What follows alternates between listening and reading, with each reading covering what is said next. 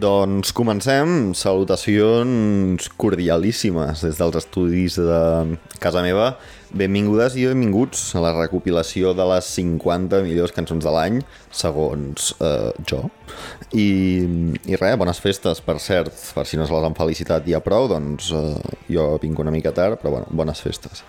Uh, què dir-vos? No sé, un any més d'obsessió per la música, que, que en el meu cas suposo que amb el de molta gent també, amb l'accessibilitat de, de les plataformes de streaming i amb el confinament més temps lliure o el que sí, doncs obsessió musical que, que sempre va, va a l'alça, només fa falta mirar els, els Wrapped de, de Spotify per veure que, que allà hi ha una quantitat ingent de, de minuts posats.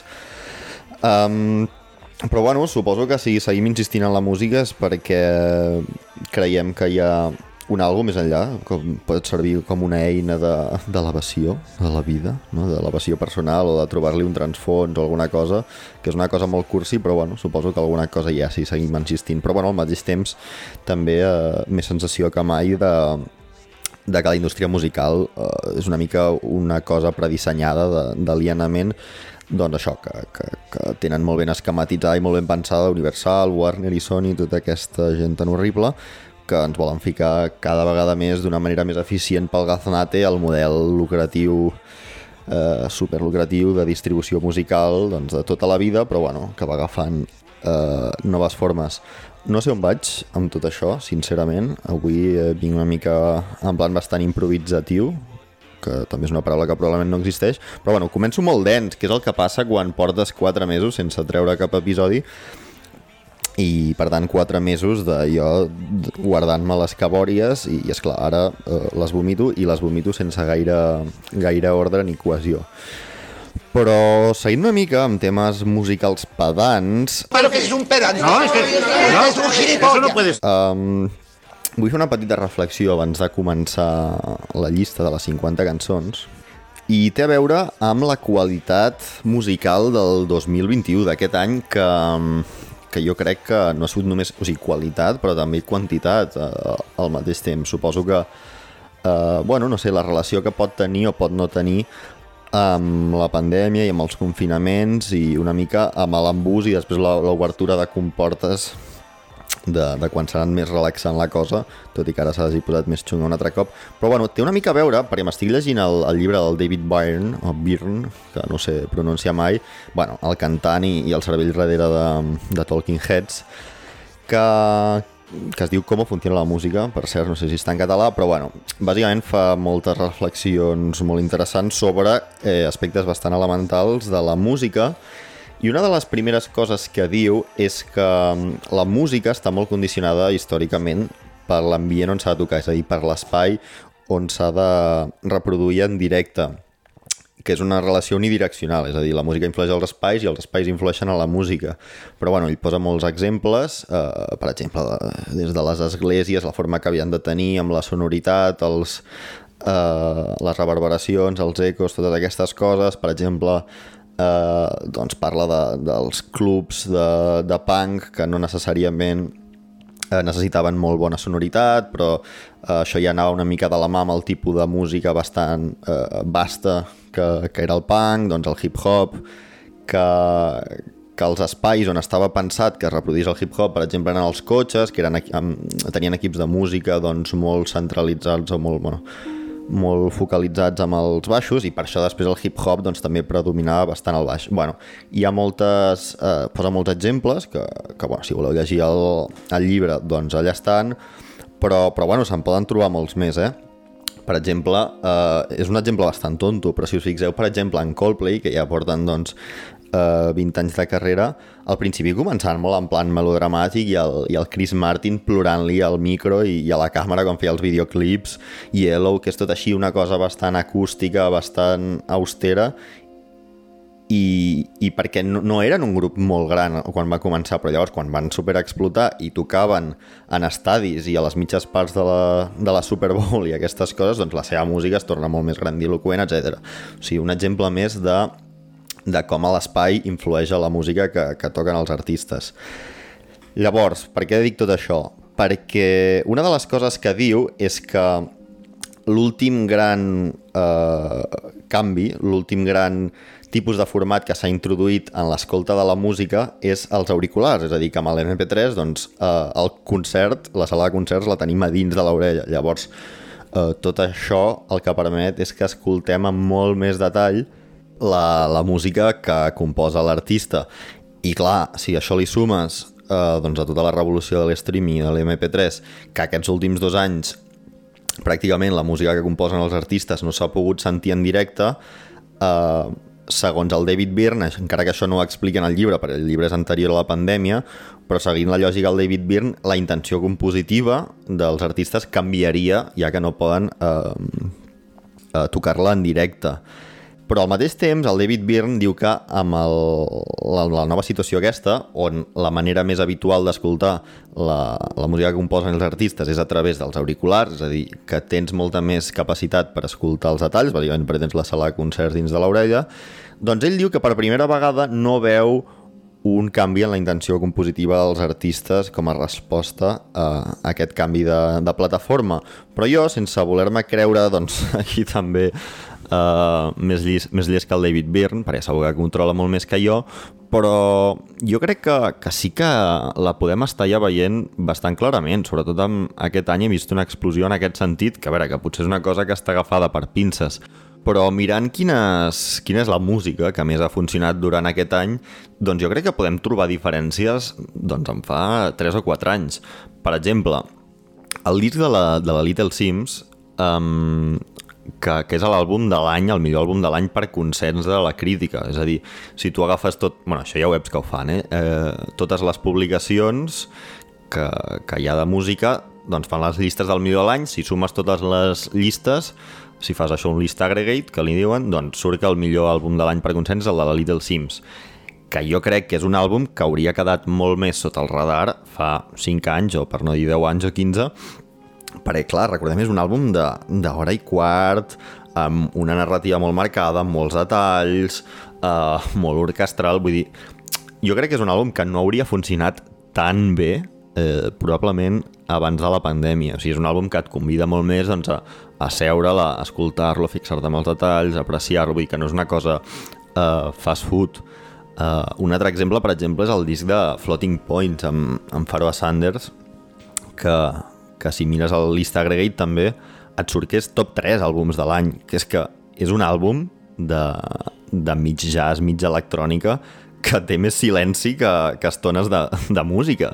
Vull dir que és un àlbum eh, o sigui, categoria molt laxa, però és un àlbum exper experimental. Llavors, jo no recordo un any eh, abans de la pandèmia on un àlbum d'aquest tipus hagi, pogués escalar fins a posicions tan altes com un top 3, o per exemple el, el disc que va treure Injury Reserve, que, que jo crec que fa 5-10 anys és que s'hauria quedat molt més en una capa molt més baixa de, de l'underground. Vull dir, tampoc és que vagi aquí guanyant Grammys, però a veure, per trobar un cert paral·lelisme que potser, bueno, també està una mica agafat amb pinces, però fa 10 anys que Death Grips treia el seu primer mixtape, doncs que era música dins de més o menys del mateix concepte, doncs allò es quedava molt més avall en les llistes de, del millor de l'any. I ara projectes d'aquest tipus doncs, més així, més arriscats, doncs eh, surten més a flote, o sigui, pugen, pugen bastant més.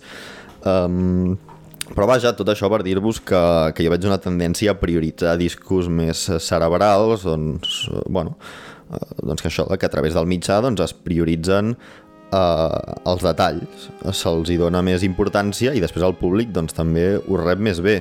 Tot i que, bueno, això que us deia de les llistes és més del punt de vista de la crítica, però aquesta tendència jo la veig una mica també amb, amb les estrelles, amb les grans estrelles del pop, que, que es veuen una mica a pujar el llistó de, bueno, del detall, que no és com fer una cançó de pop allà, bueno, amb un sintetitzador, una tornada eh, bueno, infecciosa i, i poc més. Jo ara veig una mica més de...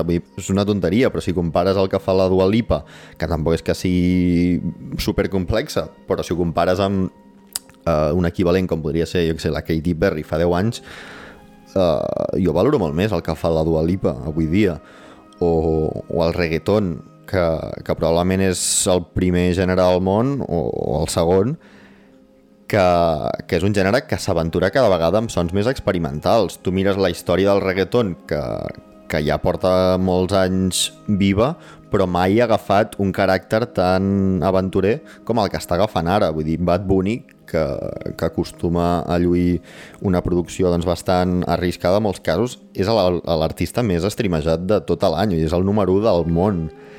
Clar, eh, i això no sé si hauria sigut possible fa uns anys. O el número 2 és la Taylor Swift, que tampoc és que sigui aquí eh, una cosa super bizarra, però, però és número 2 cantant en plan acústic des d'una cabana al bosc. Jo crec que Uh, i a més reeditant discos. Vull dir, és, una, és com tot molt raro, però sí que tendeix a bastant tot a, o a la introspecció o, o bueno, coses més, més curades. Um, Bueno, i fins aquí eh, tot això que volia dir, que no sé si portava algun lloc, però, però bueno, eh, aquí ho teniu. Uh, anem, a, anem a tirar ja a la llista, però bueno, primer uh, dir-vos que estic molt orgullós d'aquesta recopilació de cançons, que, que n'hi haurà que us agradaran més, n'hi haurà que us agradaran menys, però eh, que no us despisti la varietat i la quantitat de cançons, eh, jo crec que són totes d'una qualitat excepcional i, i en un any excepcional, eh? perquè uh, jo no recordo un any tan bo, és el 2016, que va ser, va ser acollonant, vull dir que, que això també s'ha de valorar i que la llista aquesta me l'he currat molt, que porto des de l'abril, que ja l'estava uh, tocant.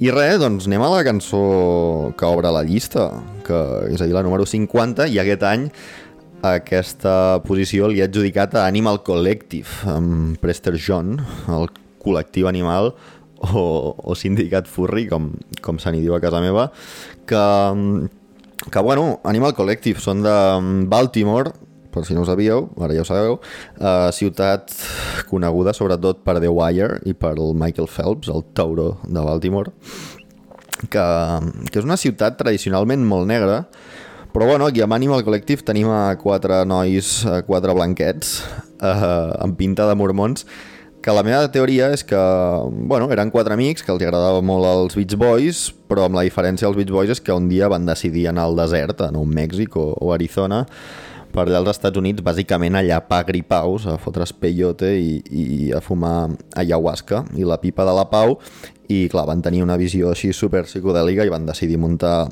el grupet aquest que, que bueno, dit xavals, però ja porten 20 anys amb, amb la matraca, vull dir que, que ja no són tan, tan nens, i, i res, però bueno, la psicodèlia aquesta els hi va funcionar molt bé, perquè de el que se'n diu la neopsicodèlia, que bueno, és la reinvenció de la psicodèlia típica que sorgeix als anys 60 de, dels típics, bueno, ja m'enteneu, no? Les típics grafismes aquells que, que en realitat venen de l'art nouveau, no sé per què ho dic això, però bueno, una mica pedant.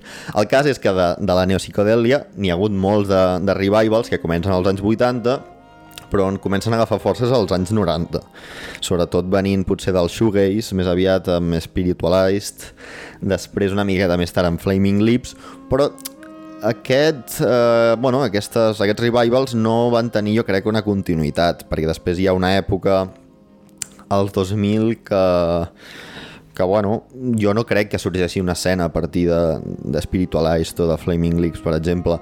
Però Animal Collective jo crec que potser això amb el temps es veurà més clar, però jo crec que sí que és el que ha tingut després una continuïtat més... Eh, bueno, més sòlida, eh, perquè després durant els 2010s perquè l'àlbum més que va tenir més èxit d'Animal Collective, el de Meriwether Post Pavilion 2009, doncs als 2010 sí que es veu un ressorgiment de grups que poden arrossegar-se de, de, de l'estela d'Animal Collective, Foxygens, eh, Django Django i si voleu Tame Impala també, tot i que, bueno, també una mica estirant aquí el xiclet.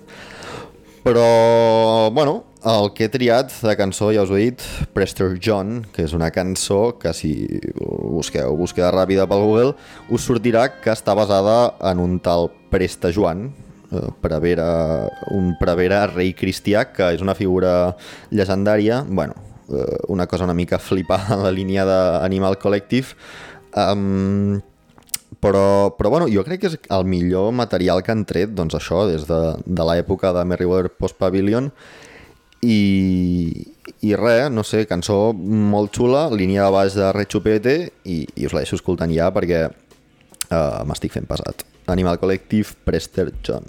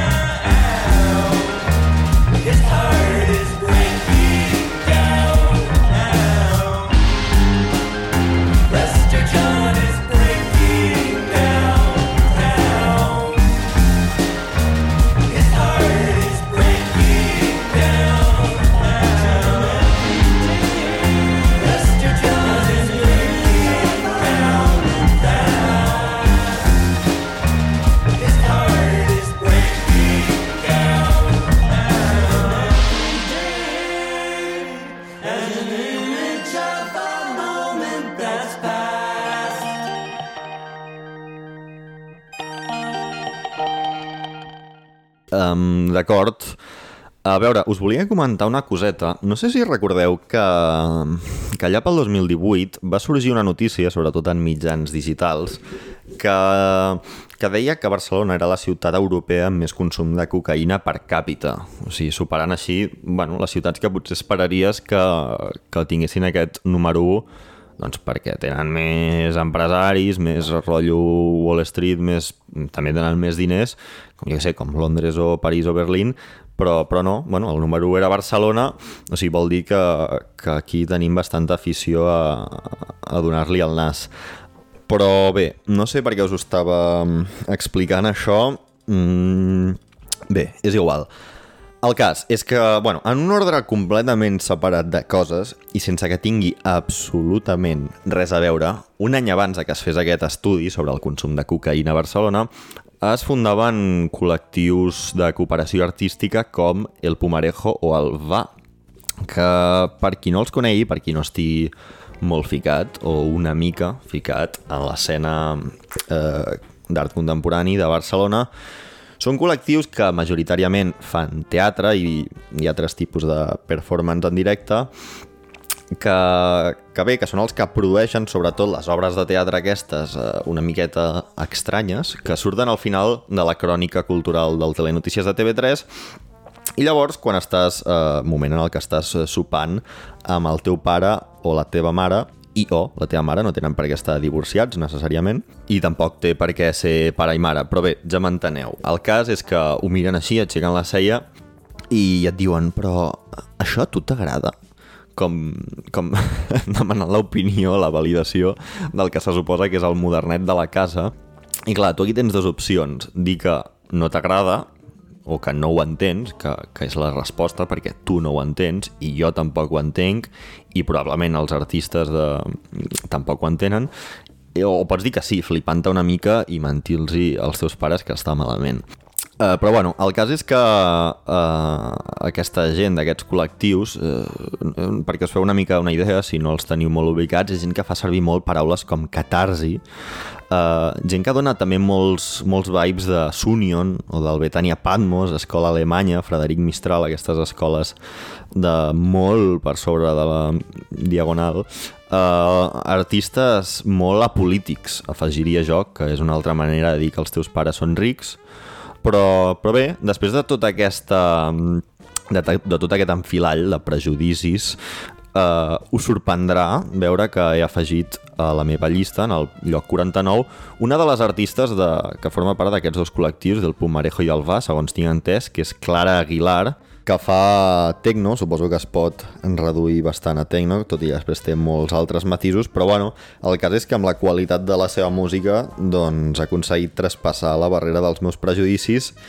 i, i no crec que sigui casualitat, perquè bueno, amb el primer EP en solitari que ha produït aquest any eh, doncs l'ha presentat a la Sala Apolo fa unes poques setmanes, em penso, i està una mica sota l'ala o bueno, amb la col·laboració i amb l'ajuda i amb la retroalimentació, no crec que sigui una cosa només unidireccional, però bueno, sota l'ala del John Talabot i del Mutec, del Festival mm, de Música Electrònica de, de Barcelona, o sigui que això vol dir que, que va en sèrio, que no és ni molt menys un projecte amateur, vol dir que, que aquí hi ha qualitat eh, bastant per tot arreu.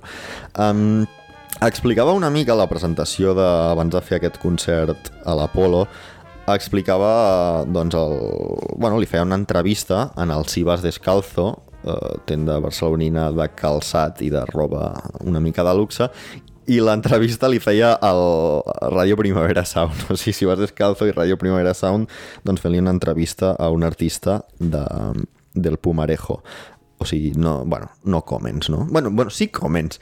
És que, és que no, no, no pot haver-hi un, un pinacle uh, més uh, exagerat del post-hipsterisme barceloní, no? És que aquesta unió de coses que, que en realitat de coses que hi formo bastant part, vull dir que ningú s'ofengui, perquè en el fons m'estic rient una mica bastant de mi mateix, però és que representa aquesta triada de coses. Uh, representa també aquests barcelonins que, que viuen en pisos de sostre a l'Eixample i que van pel carrer amb gabardina beix, eh, com chinos i després um, Monarchs o Zwigos o New Balance, saps? Així com eh, Dad Shoes i porten gorra de ciclista i passegen un gos llebrer, un galgo, per qui no estigui gaire aficionat a, a Pompeu Fabra, però però bé, no sé per què dir això. És igual, que no he vingut només a, a treure bilis, també tinc paraules d'admiració, i és que el que, el que m'agrada molt de la Clara és que és la seguretat amb la que parla, perquè en aquesta entrevista s'aprecia molt que, que sap, sap del que està parlant, es nota que, que sap per què fa les coses i no deixa anar clichés d'aquests artístics buits de significat, que és una cosa que, que agraeixo molt. I, i després aquesta seguretat es trasllada després amb la música però, però ja n'hi ha prou d'aquest rotllo condescendent paternalista. Um, la cançó que he triat es diu uh, Reíse i, i bé, és això que deia, és bastant en plan tecno, es nota que aquesta gent ha passat, doncs, suposo que, que per Berlín, i el que passa que li dona un toc més de sofisticació, no és un tecno perquè sí, no és un tecno raso, Um, li posa un, un piano que li dona això, més sofisticació i que més li dona un sentit més enllà de la cançó perquè complementa i tanca l'imaginari que eh, enceta doncs, amb el piano trencat que surt a la portada de l'EP i això, doncs, que tot plegat eh, doncs, dedueixo que arrodoneix la metàfora del piano trencat doncs, i de trencar amb l'establert que, que bueno, és una mica cliché, però bueno, també és veritat que potser no significa això, és la conclusió que he tret jo. El cas és que eh, escolteu Reise, que, que mola bastant.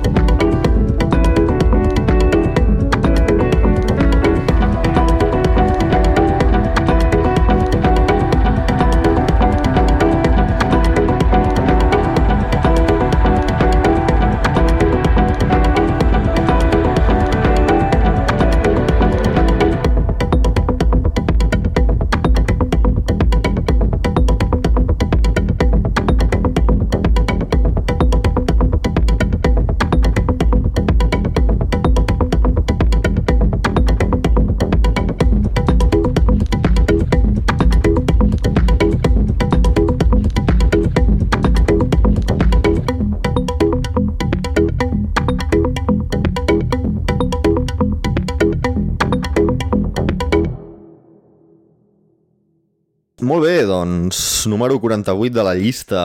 Pel 48 he triat a Jay Cortez, Jay, Jay Cortez, que abreviat és Jay-Z. Um, el cas és que aquesta llista la vaig decidir tancar abans de Nadal, perquè si no l'estaria modificant fins a aquest mateix instant. Um, Llavors, clar, la vaig tancar i tenia posat aquesta cançó de Jay Cortez, però des de que la vaig tancar fins ara, aquests dos últims dos o tres dies on he estat gravant, eh, ha passat una cosa, i és que Jay Cortez va treure una cançó on mencionava Rosalia d'una manera bastant grollera eh, perquè li tirava bif a la cançó a Raúl Alejandro, que recordem és la parella de Rosalia, per si, per si heu estat vivint en una altra galàxia durant aquest 2021, doncs, doncs que ho sapigueu. Uh, Llavors, clar, era una mica cancel·lable. O sigui, si hagués tancat la llista una mica més tard o aquest incident hagués passat una mica més d'hora, doncs segurament hauria, tan... hauria doncs, eh, bueno, fet seure a, a Jay Cortez a la banqueta eh, com a mínim per aquest any. Però bueno, eh, la cançó m'agrada bastant i ja ho tenia aquí tancat i, i què hi farem. Però bueno, en qualsevol cas tampoc feia falta mm, ser gaire avispat per veure que és un tio una mica... Eh, bueno, flipat, passat de voltes, li podeu dir com, com vulgueu, o masclista directament, però Uh, però bueno, és que és un tio que no sabem quina cara té perquè és que porta ulleres de sol fins i tot per dutxar-se i també em fa una mica rabiat a nivell personal hòstia, és que sembla aquí que vulgui rajar de, de cada artista però bueno, escolta, és el que hi ha eh, és que fa bastanta ràbia perquè el tio es creu com el Travis Scott no? o sigui, això de de, de les ulleres de sol, que no és que el Travis Scott porti les ulleres de sol, però com que mai mira directament a la càmera, dir, mai saps quina cara té, i les, les braids, les trenes aquestes que porta, que són exactament iguals que les del, les del Travis, però bueno.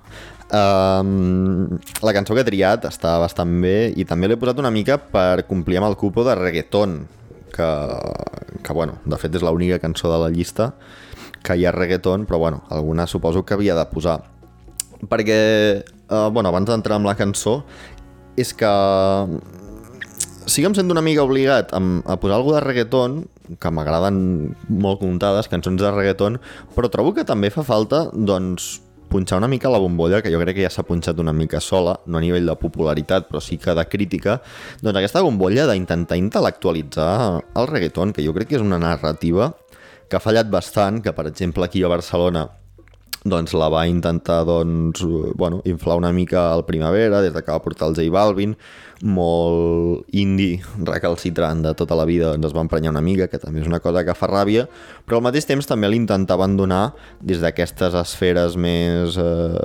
intel·lectualoides, doncs una importància o un rerefons al reggaeton que, que no té, o sigui, el reggaeton és el que és i tot i que a vegades és més o menys eh, s'aventuri a sons eh, més diferents, eh, de moment té unes limitacions i els artistes més grans tampoc estan fent el gest d'anar més enllà, vull dir, no hi ha una profunditat, una varietat, una intenció política suficient com per poder justificar o posar el reggaeton a la mateixa eh, altura que, per exemple, el hip-hop, que podríem buscar-ho com, com a l'equivalent de música exitosa, rítmica de, de l'hemisferi nord. Però, però una altra cosa en la línia de, de comentar l'estat actual del reggaeton és que aquesta no sé, no sé si té un nom eh, més o menys oficial des del de, eh, el consens de la crítica, però aquest reggaeton revival, aquesta segona onada de, del reggaeton, que és quan ha explotat realment, quan ha arribat al mercat internacional, doncs, bueno, això una mica que dèiem abans, no? Bad Bunny número 1, suposo que tenen molt a veure les plataformes de streaming i, i, i fàcil relatiu accés a elles, doncs que per primera vegada el reggaeton pot compartir, pot competir, no compartir, pot competir de tu a tu amb la música nord-americana, que sempre és la que porta la batuta de, bastant de l'escena internacional però tot i que comercialment hi competeixi i fins i tot uh, l'acabi guanyant en alguns casos, uh, jo segueixo tenint la sensació d'acabar 100% al remolc del hip-hop i del trap, uh, però en tots els sentits pràcticament. Per suposat, estètica i moda sempre van un parell, un parell o tres anys uh, a darrere, van a remolc i llavors ho intenten compensar portant més a l'extrem doncs eh, les estètiques i, i bueno, eh, copien que no té per ser còpia però bueno, ho, ho, agafen eh, el rotllo dels featurings de fotre molta gent en una cançó, gent exitosa doncs per sumar més números, tot el tema dels, dels beefs, com per exemple això del Rau Alejandro, però bueno, n'hi ha molts. Um, perquè clar, una cosa és agafar referents i una altra cosa és modelar la personalitat de tot el teu gènere al voltant d'un altre perquè el 2021, per exemple, el J Balvin segueix donant la matraca amb lo de la floreta del Murakami quan jo crec que aquesta etapa ja estava cremada, vull dir, el 2007 el Kanye ja tirava de Murakami a, a Graduation i, i bueno, igual en el moment estava guai, però, però vaja, jo crec que a aquestes altures ja, ja està una mica cremat això, o sigui, bueno, el cas és per comentar que el reggaeton jo tinc la sensació que va darrere, no? Un altre eh, cas és això del, del Bad Bunny, per exemple, que ara adopta, que em sembla fantàstica, però que adopta aquesta estètica i aquesta narrativa més, eh, bueno, d'anime, kawaii, que és una cosa que ja havia fet el Lil Uzi Vert abans, que havia fet el Lil B abans que ell, vull dir que no aconsegueixen crear... Eh, bueno, suposo que hi ha una certa encara un cert complex que s'ha de trencar d'americacentrisme que, que, bueno, que suposo que tard d'hora s'acabarà trencant.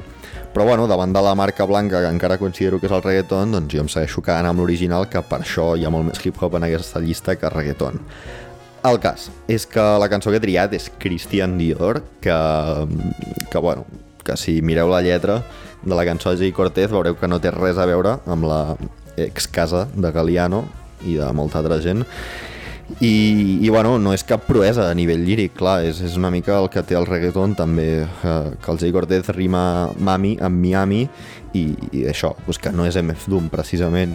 I, però bueno, tampoc pretenguem, és el que deia abans, que la gràcia no està en les lletres, està, jo crec que en aquest cas, sobretot en la producció, eh, que normalment jo considero Jay Cortez que juntament amb Bad Bunny els que tenen la producció més creativa dins el reggaeton, com a mínim dins dels que escolto jo, que tampoc són moltíssims, però en aquest cas concret m'agraden molt els adlibs que fa servir el, el J. Cortez fent servir la seva veu per fer efectes de la moto, que és una cosa que em va fer molta gràcia i que d'algun mode bastant estrany contribueix a fer la cançó encara més, més infecciosa. O sigui que, bueno, això, Jay Cortez amb Christian Dior.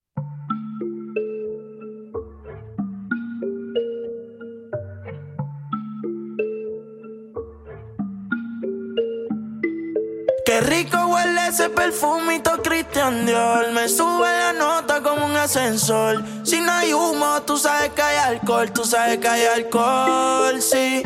Me gusta tu cuerpo, dímelo mami. Ese burrito lo hiciste en Miami. Ponte pa' mí, pa' yo ponerme pa' ti. Ese culo es criminal como Nati.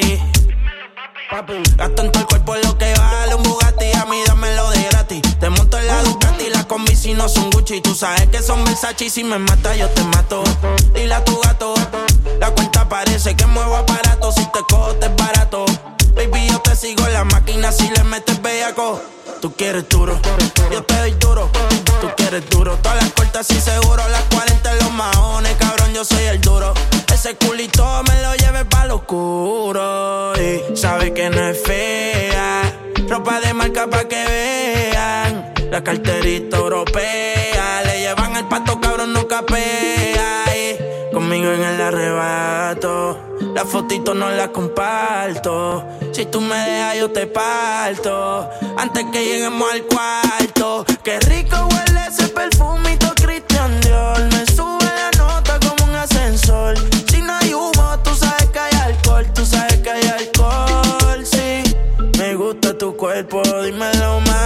Ese burrito lo hiciste en Miami. Ponte pa' mí, pa' yo ponerme pa'.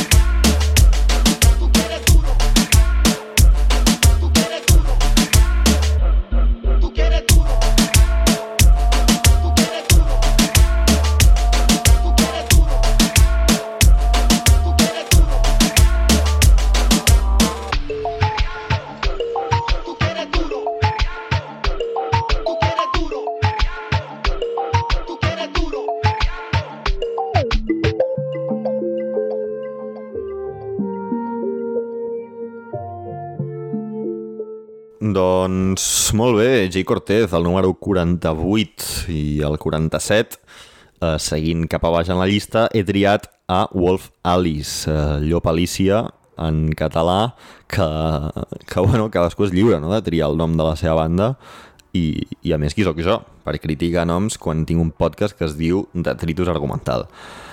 Però bé, el grup anglès Wolf Alice, que va treure un àlbum ja bastant al principi d'aquest any, i la cançó que més em va agradar del disc, i per això s'ha colat en aquesta llista, és The Last Man on Earth, que, que és una cançó que, òbviament, repeteixo, m'agrada molt i per això està en aquesta llista, però al mateix temps també puc entendre que, que pugui fer una mica de rabieta perquè t'està tota l'estona susurrant a l'orella, no, susurrant està mal dit, perdó, xiu-xiuejant, xiu-xiuejant a l'orella, doncs que, que és així com molt indi i que vol, bueno, em dóna la sensació de que viu una mica d'explotar la, la seva vulnerabilitat.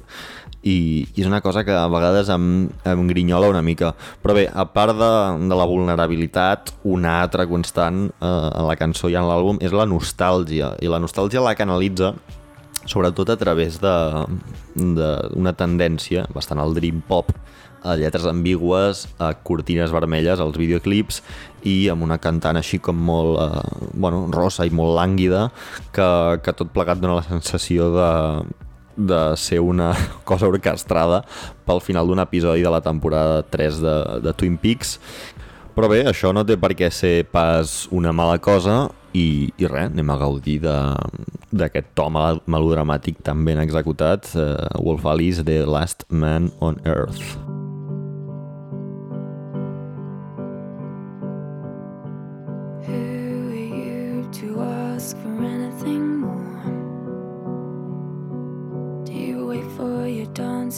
Lessons to be sent from God.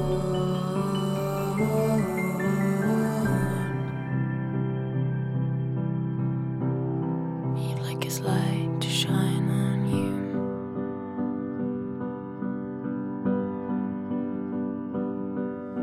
you. You've really missed a trick when it comes to love. Always seeking what you don't have. What you do ain't enough.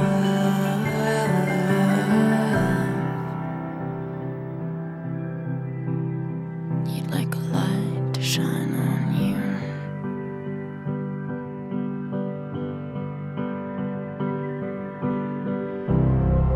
In every book you take.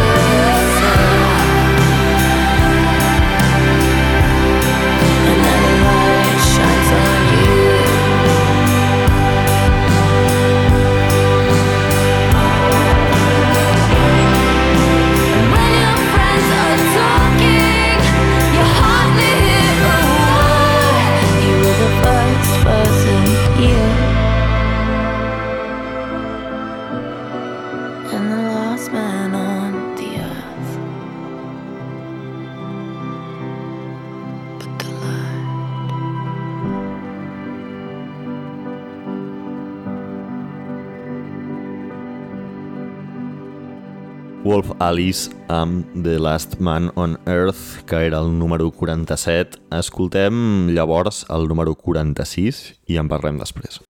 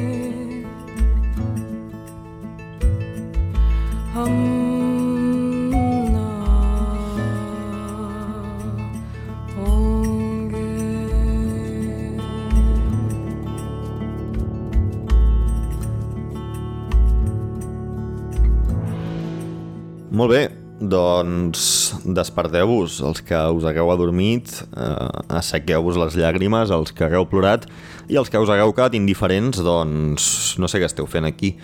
Però bé, això era Aruj Aftab amb la cançó Mohabbat, que Aruj Aftab és una cantant, i suposo que algun instrument deu tocar, em sap greu, no ho sé, que, que és nascuda a Pakistan, però està vivint a Nova York, i, i suposo que va arribar una mica a les meves oïdes i a la de molta gent, em sembla que Pitchfork li va donar una mica bastant de, de bombo a mitjans de l'any, perquè li va caure una nominació, que és la primera nominació de, de Grammy a una artista femenina pakistanesa, vull dir que bastant, bastant totxo el tema, i a més, després a l'estiu, l'Obama el va incloure a la seva playlist d'estiu, que sempre és una cosa que, que també dona bastant de revolt però bé, tots aquests reconeixements són prova de que la música no entén d'idiomes ni de fronteres. Uh, we are the world, we are the children. Uh, però, però fora bromes, fora estereotips, fora cinisme, la cançó jo crec que és preciosa, bé, per això està aquí.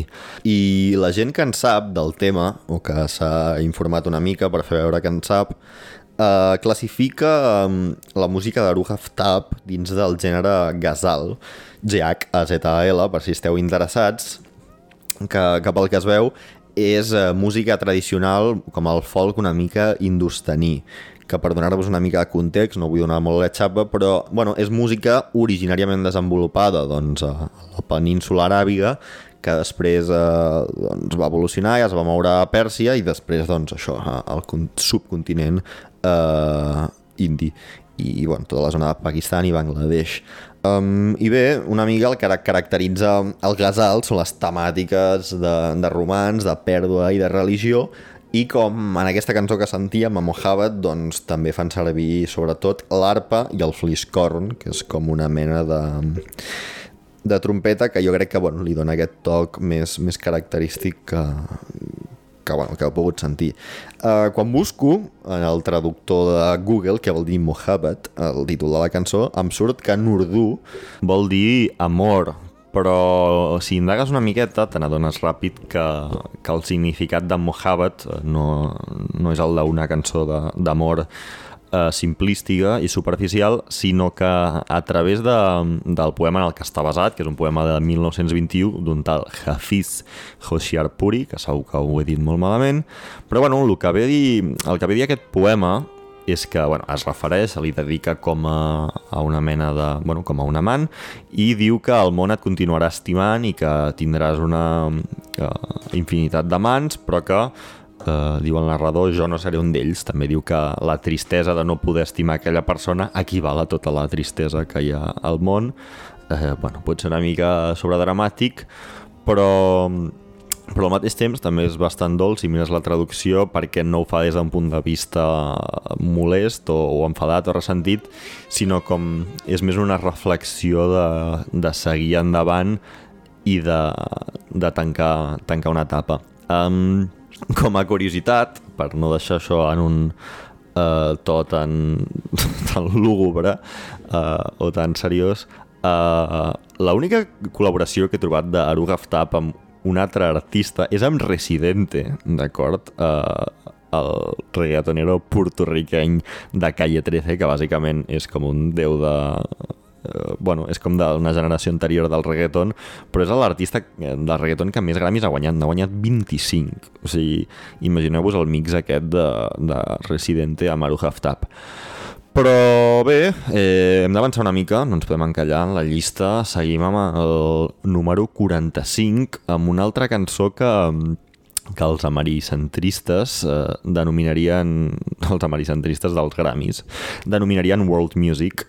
Eh, i, I la cançó es diu Apple du Danube de Hoida Hefdi, que, que és una artista tunisiana i, i que bàsicament ha tret un, un àlbum aquest any que es diu Fleuves de l'âme, és a dir, Rius de l'ànima en, en francès, i una mica la gràcia d'aquest àlbum és que cada cançó, em sembla que en són 8 o 9, ara no ho recordo exactament, però cada cançó eh, està anomenada i està dedicada a un riu del món i una mica sota el concepte de, de refugiar-se a la seguretat que la de Hefdi explica en alguna entrevista que li aporta el so de l'aigua de, dels rius i això ho, um, ho complementa, diu, amb el, amb el drama sinuós de cada composició, de cada cançó, que normalment eh, comença de manera pacífica i després evoluciona per encompassar doncs, un drama, una tensió, un conflicte i, i al final a cada resolució. És a dir, també bastant eh, cliché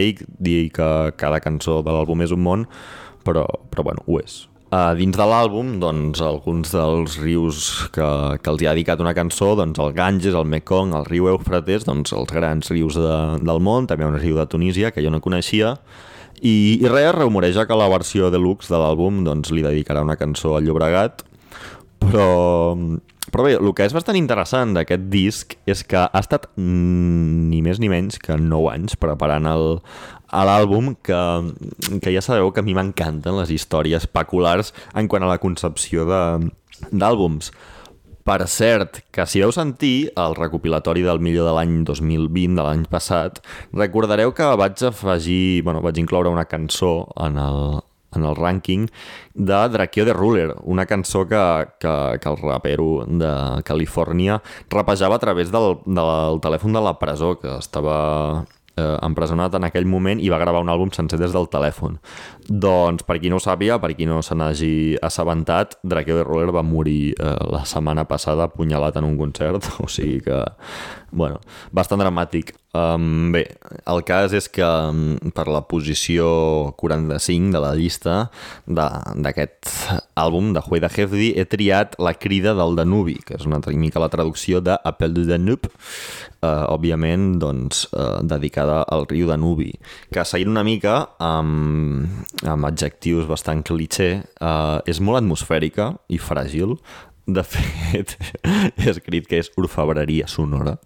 Que, però bé, el que per mi li dona un punt més interessant a veure d'aquestes qualitats és que és inquietant perquè pujant encara un, un esglaó més de, de friquisme uh, en la redacció musical uh, és, com, és com aquesta cançó és com haver caigut al Danubi congelat i no poder-ne sortir i estar atrapat i a punt de morir-te i, i en aquesta situació tenir, començar a tenir al·lucinacions dins de l'ofec i de la congelació, uh, però això després transformar-se en la bellesa al veure que, que al fons del riu hi ha una civilització subaquàtica i que finalment doncs, hi trobes confort i, i t'hi quedes a viure. Bé, tota aquesta uh, flipada i fricada uh, per justificar que aquesta cançó m'agrada molt i res, espero que us agradi la meitat de, del que m'agrada a mi.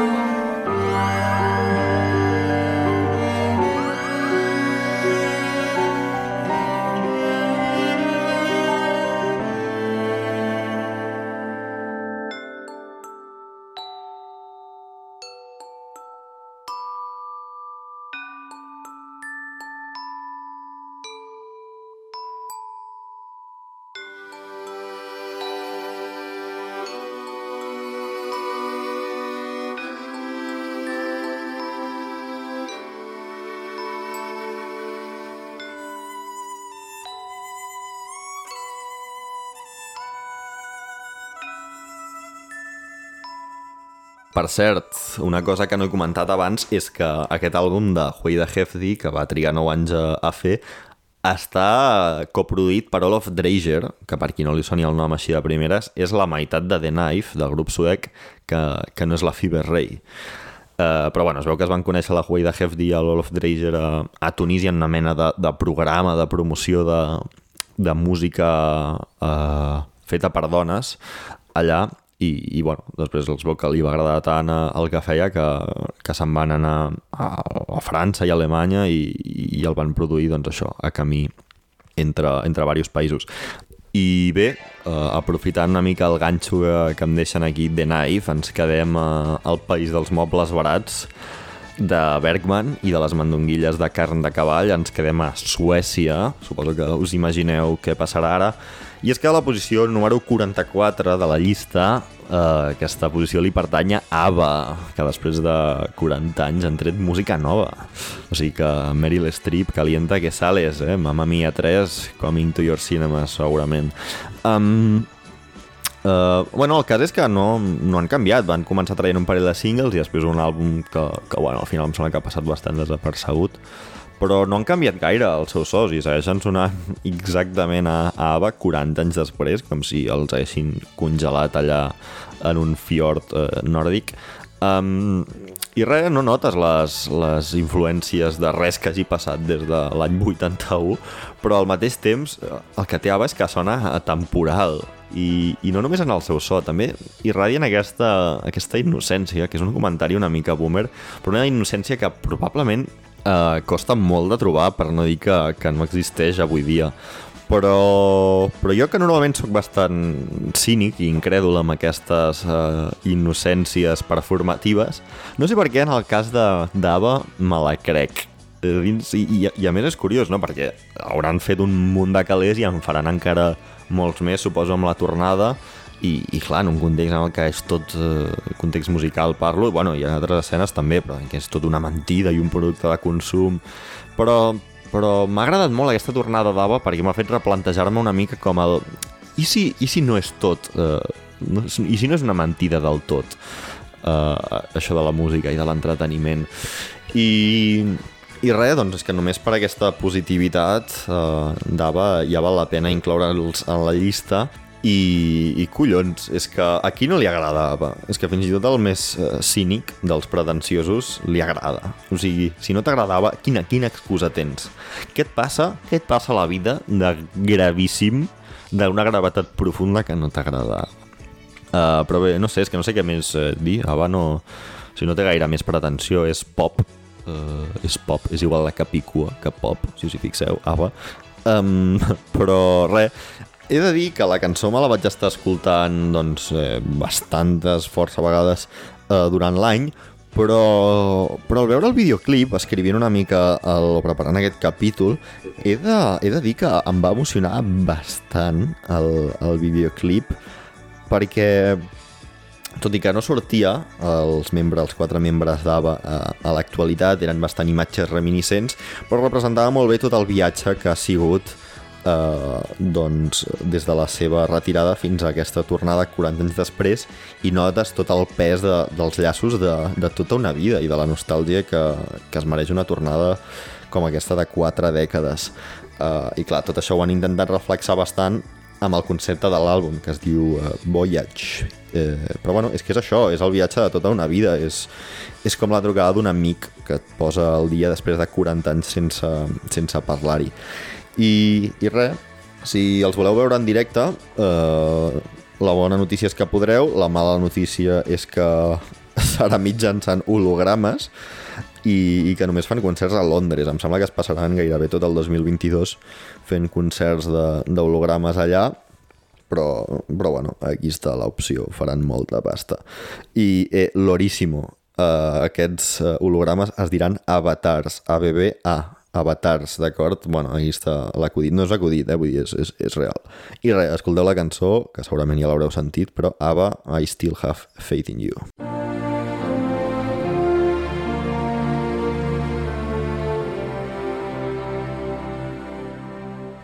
I still have faith in you I see it now Through all these years that faith lives on, somehow there was a union of heart and mind, the likes of which are rare and oh so hard to find. Do I have it in me? I believe it is in there. For I know I hear a bittersweet song in the memories we share. I still have faith in you, and I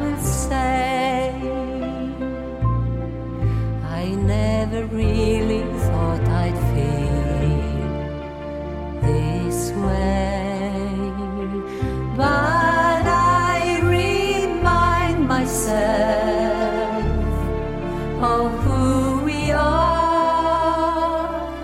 how inconceivable it is to reach this far.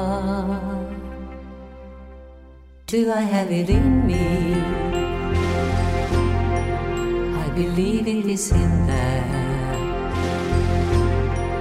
For I know I hear a bittersweet song in the memories we share.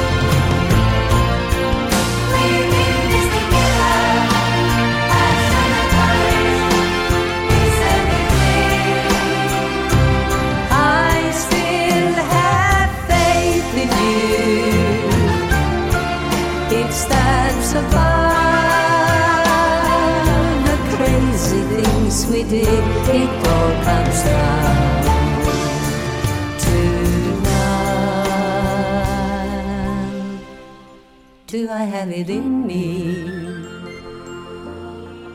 I believe it is in there. For I know I hear a bittersweet song in the memories we share. Do I have it in me?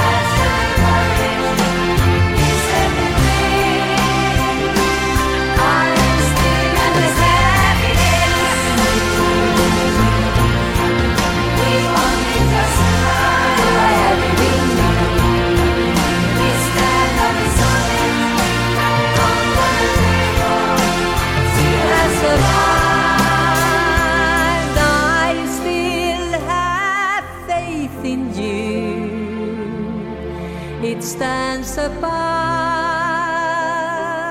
the crazy things we did. It all comes down to love. Do I have it in me? Doncs bé, uh, anem descendint a poc a poc per aquesta llista, com si féssim rappel, i ens trobem ja a la posició número 43, que, que en aquest cas li pertany a la Casa Azul, un grup que en realitat és el Guillem Milky Way. Um, Guillem Milky un nom que... Hòstia, és que avui m'estic ficant molt amb els noms, no? Amb els noms de, de tothom, bàsicament. Serà que no estic gaire imaginatiu, que no sé què dir, però és que el nom de Guillem Milky Way em fa particularment rabieta. És que és com em sap greu, eh? però sona molt madrileny eh, pepero. És com àlies, és com un segon àlies de Willy Bárcenas, si ho penses. Però, no sé, el Guille Milky no és madrileny, precisament, és de Sant Cugat. tot i que en realitat és el mateix, no? Però bé, també fa una mica de, de grima ara que hi penso la portada del single que, que he triat, que és eh, Entra en mi vida, es diu.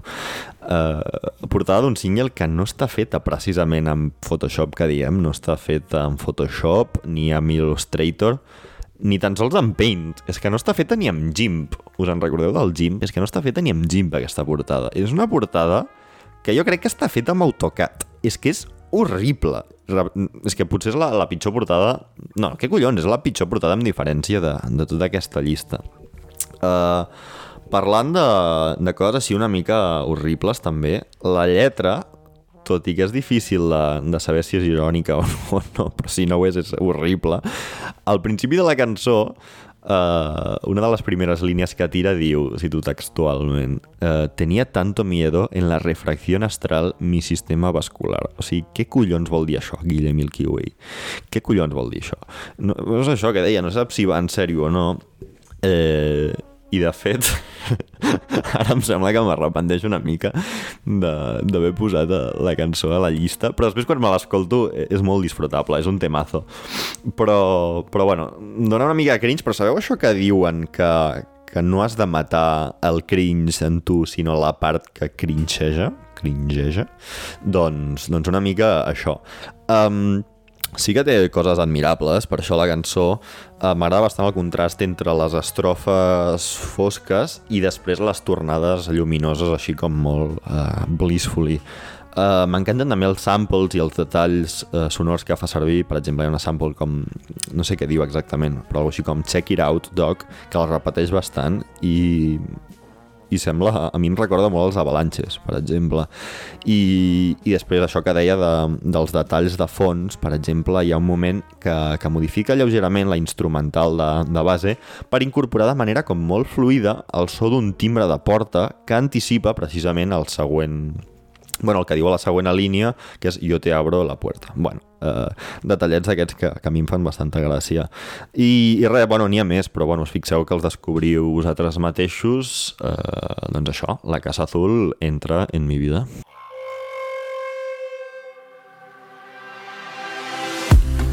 Qué bello ver amanecer, qué lúcido me siento. La noche ha sido larga y por momentos pensé que no acababa.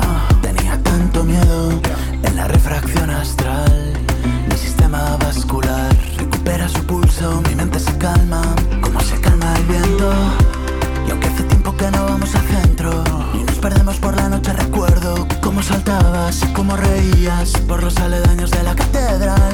Y la bonanza derivó en aguacero, y el aguacero derivó en huracán, y un huracán hace estragos y deja silencio, y el silencio lo aniquila todo aspavientos.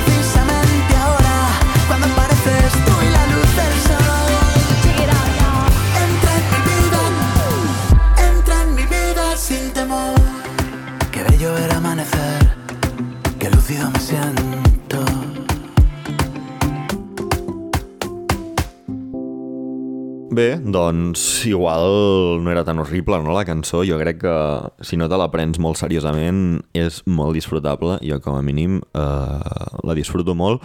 I, i res, número 42 ja, que, que en aquest cas he triat a Nas featuring Lauryn Hill amb la cançó Nobody. I, i home, jo crec que és molt important per molts motius aquesta cançó, a part de perquè és molt bona, ara entrarem en el tema, però, però perquè marca sobretot el retorn de la Lauryn Hill en una, a la música en general, però a una cançó de Nas en concret, com això que està sonant de fons, que és If I Rule the World, que, que probablement és el hit més gran de, de tota la carrera de Nas, i això que marca el retorn de, del Lauryn Hill a la música una mica convencional, perquè sí que a vegades ha anat fent bandes sonores i coses així més, més de costat, però, però marca el retorn de l'ex dels Fugís, abans de que fugís de l'escena pública, ja fa com gairebé 20 anys. Uh, bueno, us, us convido, si no la coneixeu, a que investigueu una mica la, la història de la, de la Lauryn Hill perquè és una de les grans figures de finals dels 90 i de principis dels 2000 en el hip-hop però bueno, fent així un repàs ràpid doncs tenia el grup aquest amb els Fugís va treure un àlbum, ho va patar molt després se'n va anar en solitari eh, ho va patar encara més amb l'àlbum que es deia Miss, E- The Miss Education of Miss Lauryn Hill eh, si no erro i, i res, llavors a partir d'allà bueno, hi ha molts rumors, no? però es va començar a torçar la cosa, hi ha gent que diu que, que va entrar com una mena de secta, eh, també no ajudava que no estava gens satisfet amb com funcionava la indústria i, i, i no m'estranya. També es va, es va emparellar amb un dels fills del Bob Marley i va tenir fills a, a camades, bàsicament. Però, però bé, el cas és que ara no sé exactament de quin és l'àlbum de, de Miss Education, però és 90, vull dir, ja fa més de 20 anys que va treure aquest disc, o sigui que, que els que ens queixem de, de, de molt que s'amaga el Frank Ocean, doncs igual no tenim tant eh, per, per queixar-nos. Però, però bueno, eh, això, que, que alguna cançó sí que ha tret, mentrestant, soundtracks i coses així més de, més de costat, però la, jo trobo que és la primera vegada en molt, molt de temps que la sento realment com intentant, intentant no de veritat, vaja, intentant pujar el llistó i em va fer bastanta gràcia una review que deia que que, bueno, el Nas primer tira dos versos i el tercer és el de la Lauryn Hill, que és el millor, dels millors versos de l'any, i el que deia aquesta review és que està esperant tota la cançó pujada al sostre a una viga, com si t'estigués esperant, llavors entra i se't tira, se't tira a sobre. però no sé, no sé per què, per què ho deia ara, però, però bueno, ja us dic, top versos de l'any, mm, molt disfrutable també.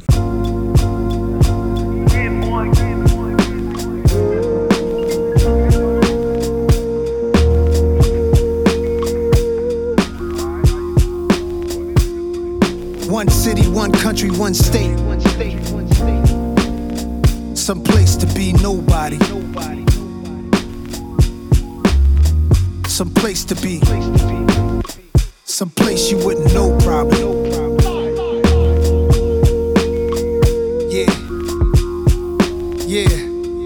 If Chappelle moved to Ghana to find his peace, then I'm rolling where the service always roaming. I'm packing my bags and going. It's a challenging act, it's a balancing act. Visit beautiful places, it's more out here than the trap. Houses in Long Island, they always found him. House in the South, a nigga barely got out. Sunny LA, remember calls with Dr. Dre. He told me, Don't let the palm trees fool you, nigga, be safe. Me and my higher self, we often would speak. Somehow we lost the connection, might meet a Joshua tree. And it's been bothering me. Too many wavy women, gotta log out of IG. Can't be my age DMing, no kidding. It's hard to move like a civilian. I write the truth cause I live it, not like you musical niggas. We did it big and they bigots. They rather shoot than write tickets. What it feel like to go get it, what it feel like to go miss it. In one city, one country, one state. Some place to be nobody. Some place to be.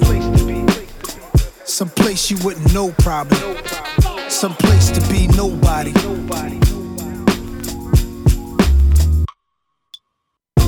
My dog bought a plane, said let's go to Paris. That's where baguettes are from, French bread that's long and narrow. I like the other definition, rectangular carrots. The concept of the song is rather esoteric. This girl said in Grenada we should go get married. Broke the meaning down of the Virgin Mary. And you got your own place. My favorite part of the night when you text me that you made it home safe. Uh-huh. I'm contemplating at the home base how I'm used to breakfast in the ghetto sipping OJ. That's a picture right there, a moment in time. Before anybody wanted a photo of mine. Before the internet energy and social decline destroyed the vibe, fooling us with the headlines. Keeping us blind.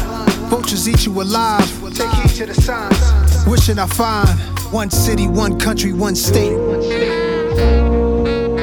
Some place to be nobody. Some place to be. Some place you wouldn't know probably. Some place to be nobody.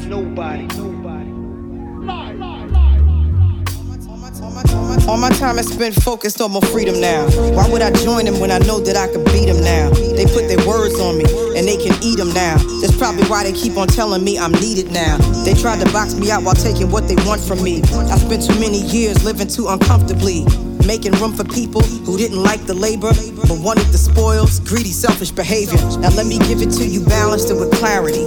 I don't need to turn myself into a parody. I don't I don't do the shit you do for popularity. They clearly didn't understand when I said I get out apparently. My awareness like Keanu in the Matrix. I'm saving souls and y'all complaining about my lateness. Now it's illegal for someone to walk in greatness. They want the same, they want the same, but they don't take risks. Now the world will get to see its own reflection. And the anointed can pursue their own direction. And if you're wrong and you're too proud to hear correction, walk into the hole you dug yourself, fuck a projection. See me in my freedom taking all my land back. They said a lot against me thinking I just stand back. I got my legs beneath me, I got my hands back. A lot of people sabotaged, they couldn't stand that. I turned the other cheek, I took blow after blow. There's so much crisis in the world cause you reap what you sow. When you keep what you know is meant for someone else. The ditch you dig for them, you might just end up in yourself. I'm in the secret place, I keep a sacred space. They keep showing their hands, but keep hiding their face. If I'm a messenger, you block me, then you block the message. So aggressive, the world you made is what you're left with. Pride and ego over love and truth is fuck reckless. Y'all niggas got a death wish, the stupid leaves me breathless.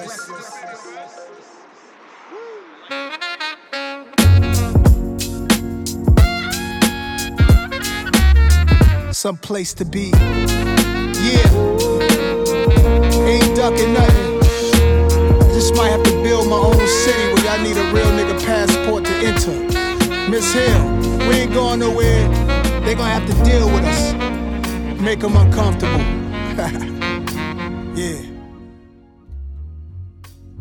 Doncs tant de bo que aquest Nobody de Nas featuring eh, Lauryn Hill marqui un retorn ni que sigui paulatí de Mrs. Hill a la música perquè és una pena sentir eh, artistes d'aquest nivell perquè és que era una de les estrelles amb més projecció al món o la que més eh, allà pels finals dels 90 però sí que és veritat que és com bastant comú o, o com a mínim artistes d'un perfil similar a mi em fa em, bueno, a mi hi ha molta gent, ens recorda molt a, a l'Andre 3000 no? gent que al final són una mica com expulsades del, del focus públic, doncs molt per culpa de, de la indústria, però, però aquest tipus de perfil sempre coincideix que, que són els artistes menys mediocres eh, que, bueno, que, que, que tenen uns principis o tenen uns mètodes creatius molt propis o bueno, són gent molt particular però, però acaben expulsats moltes vegades de, de les estructures de, de la indústria. Però, en canvi, eh, ja ho sabem, els menjaflors, no només a la indústria musical, sinó a tot arreu, eh, ho, acostumen a ho acostumen a tenir més fàcil per eh, posicionar-se i mantenir-se en bona part doncs, perquè tenen uns principis més flexibles i o són més manipulables o estan més disposats a fer el que sigui per, per aconseguir el que volen. I bueno, una mica això de eh, tinc els meus principis però si vols en tinc d'altres i, i res, però bueno, parlant de, de menjar flors, uh, posició número 41, última ja de, de l'episodi, uh, li he adjudicat a Coldplay, que, bueno, òbviament amb l'única cançó bona que van treure en l'àlbum, que no sé ni com es diu, la cançó per això és Coloratura, que, que hòstia, és que és bastant bona, bueno, evidentment està a la llista, eh, però això sí, molta ambició la cançó i estructures grandiloquents que, que no sóc la primera persona mirant a internet que, que ha pensat que li recorda Pink Floyd, tot i que en comptes de, de psicotròpics com Pink Floyd eh, m'imagino més aviat el Chris Martin menjant, jo que sé, moltes pastanagues, perquè se'l veu un noi ben sanot, això sí, la lletra és més ensucrada que la sang d'un diabètic després d'haver caigut al riu de xocolata de la fàbrica de Charlie. En qualsevol cas, eh, Coloratura és la millor cançó, és el millor material en general que ha fet Coldplay i, i fàcilment jo crec que des de Viva la Vida, que és un àlbum que jo vull reivindicar molt des d'aquí, molt o bastant, perquè sempre es recorda el, pues, l'himne guardiolista, no per definició, que no vull dir que sigui cursi, perquè en realitat va ser maco, però, però això, que vull reivindicar Viva la Vida, que mirant els crèdits és un àlbum que està, eh, està coproduït pel Brian Eno i pel John Hopkins, o sigui... Uh, bueno, tela. Uh, re, escolteu, última cançó de l'episodi, espereu molts falsetos, com sempre, Chris Martin, Coldplay, Coloratura, ens veiem pues, a la següent, cançó 40 a la 31. Vinga.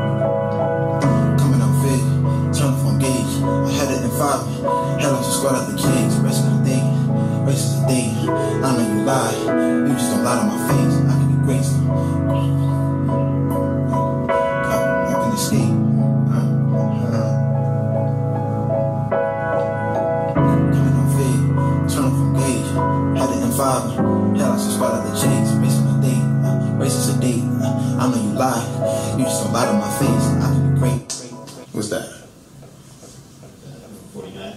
Oh, it's that. Cool.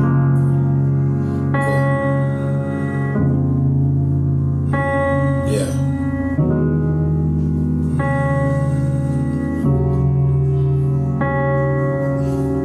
I saw your eyes. I saw your eyes fall. You don't cry, so you kept your eyes closed. I could be great. I'm on my way. If I want to escape, I can escape.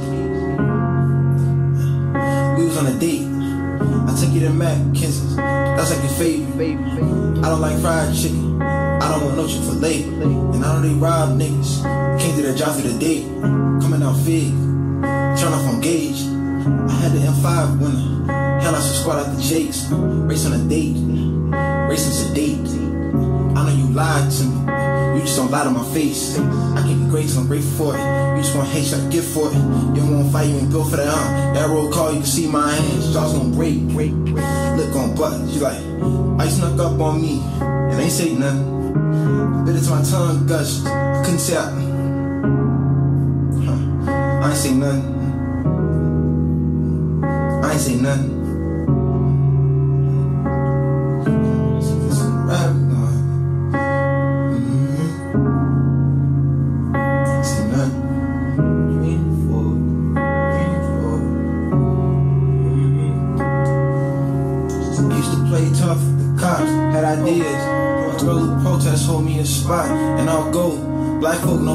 White mean, but still. Hold two open hands up in the sky, finger quotes. In my gangly youth, my lambs used to swing like polo tees. Muscles off a bottle like what Puff did, Steve. You can't tote your own weight, then what's this boss shit even about? Crystals in your feet, that's all that dust protein. Swoop Jermaine from Calabasas in the Brisk Boys car. We used to when Mark Jacobs had the library card. And Scott some Curry and silver spoons with plastic knives and sparks. I was the dog breathless chasing a car up the street. If I ever catch it, I'll panic. That's the flaw in me. Nothing ain't glamorous about growing up poor, naive, standing on the balls of my feet, trying to pray before I sleep. So I'm like, red lights, got a waterfall dish. I was head on the cushion. Like pink, I'm revving like green, I'm someone like you, someone like me, ring finger, my show get took it. Wrist like springs, natural springs, water green head no cookie. Other than me and you, ain't nobody else coming between a goose stalk. We got the camera on Monday. We made a movie on Tuesday, fuck. We got the look, looks, you never seen stars, it's bright, bright, bright, bright, bright.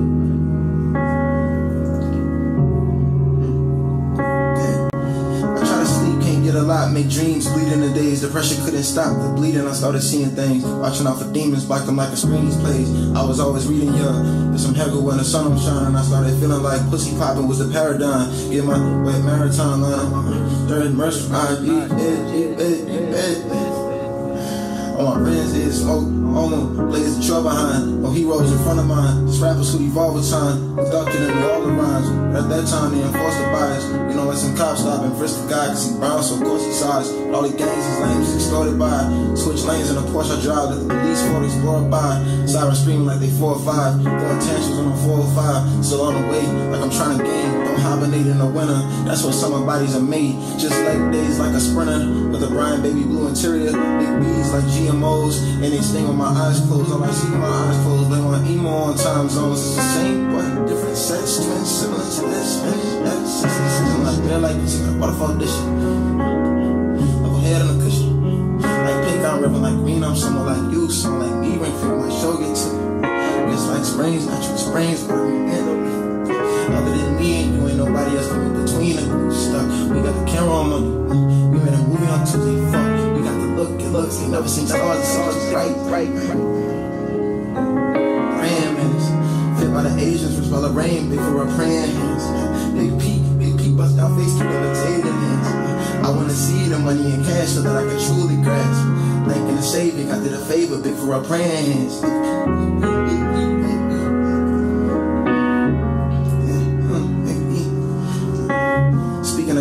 Ten years old, I switched church home. Speaking of, speaking of God, speaking of God.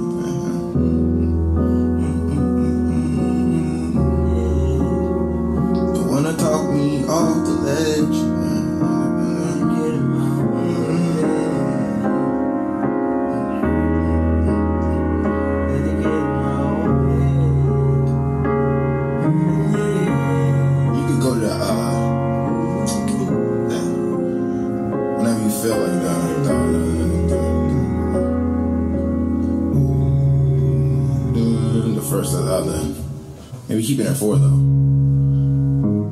Uh huh.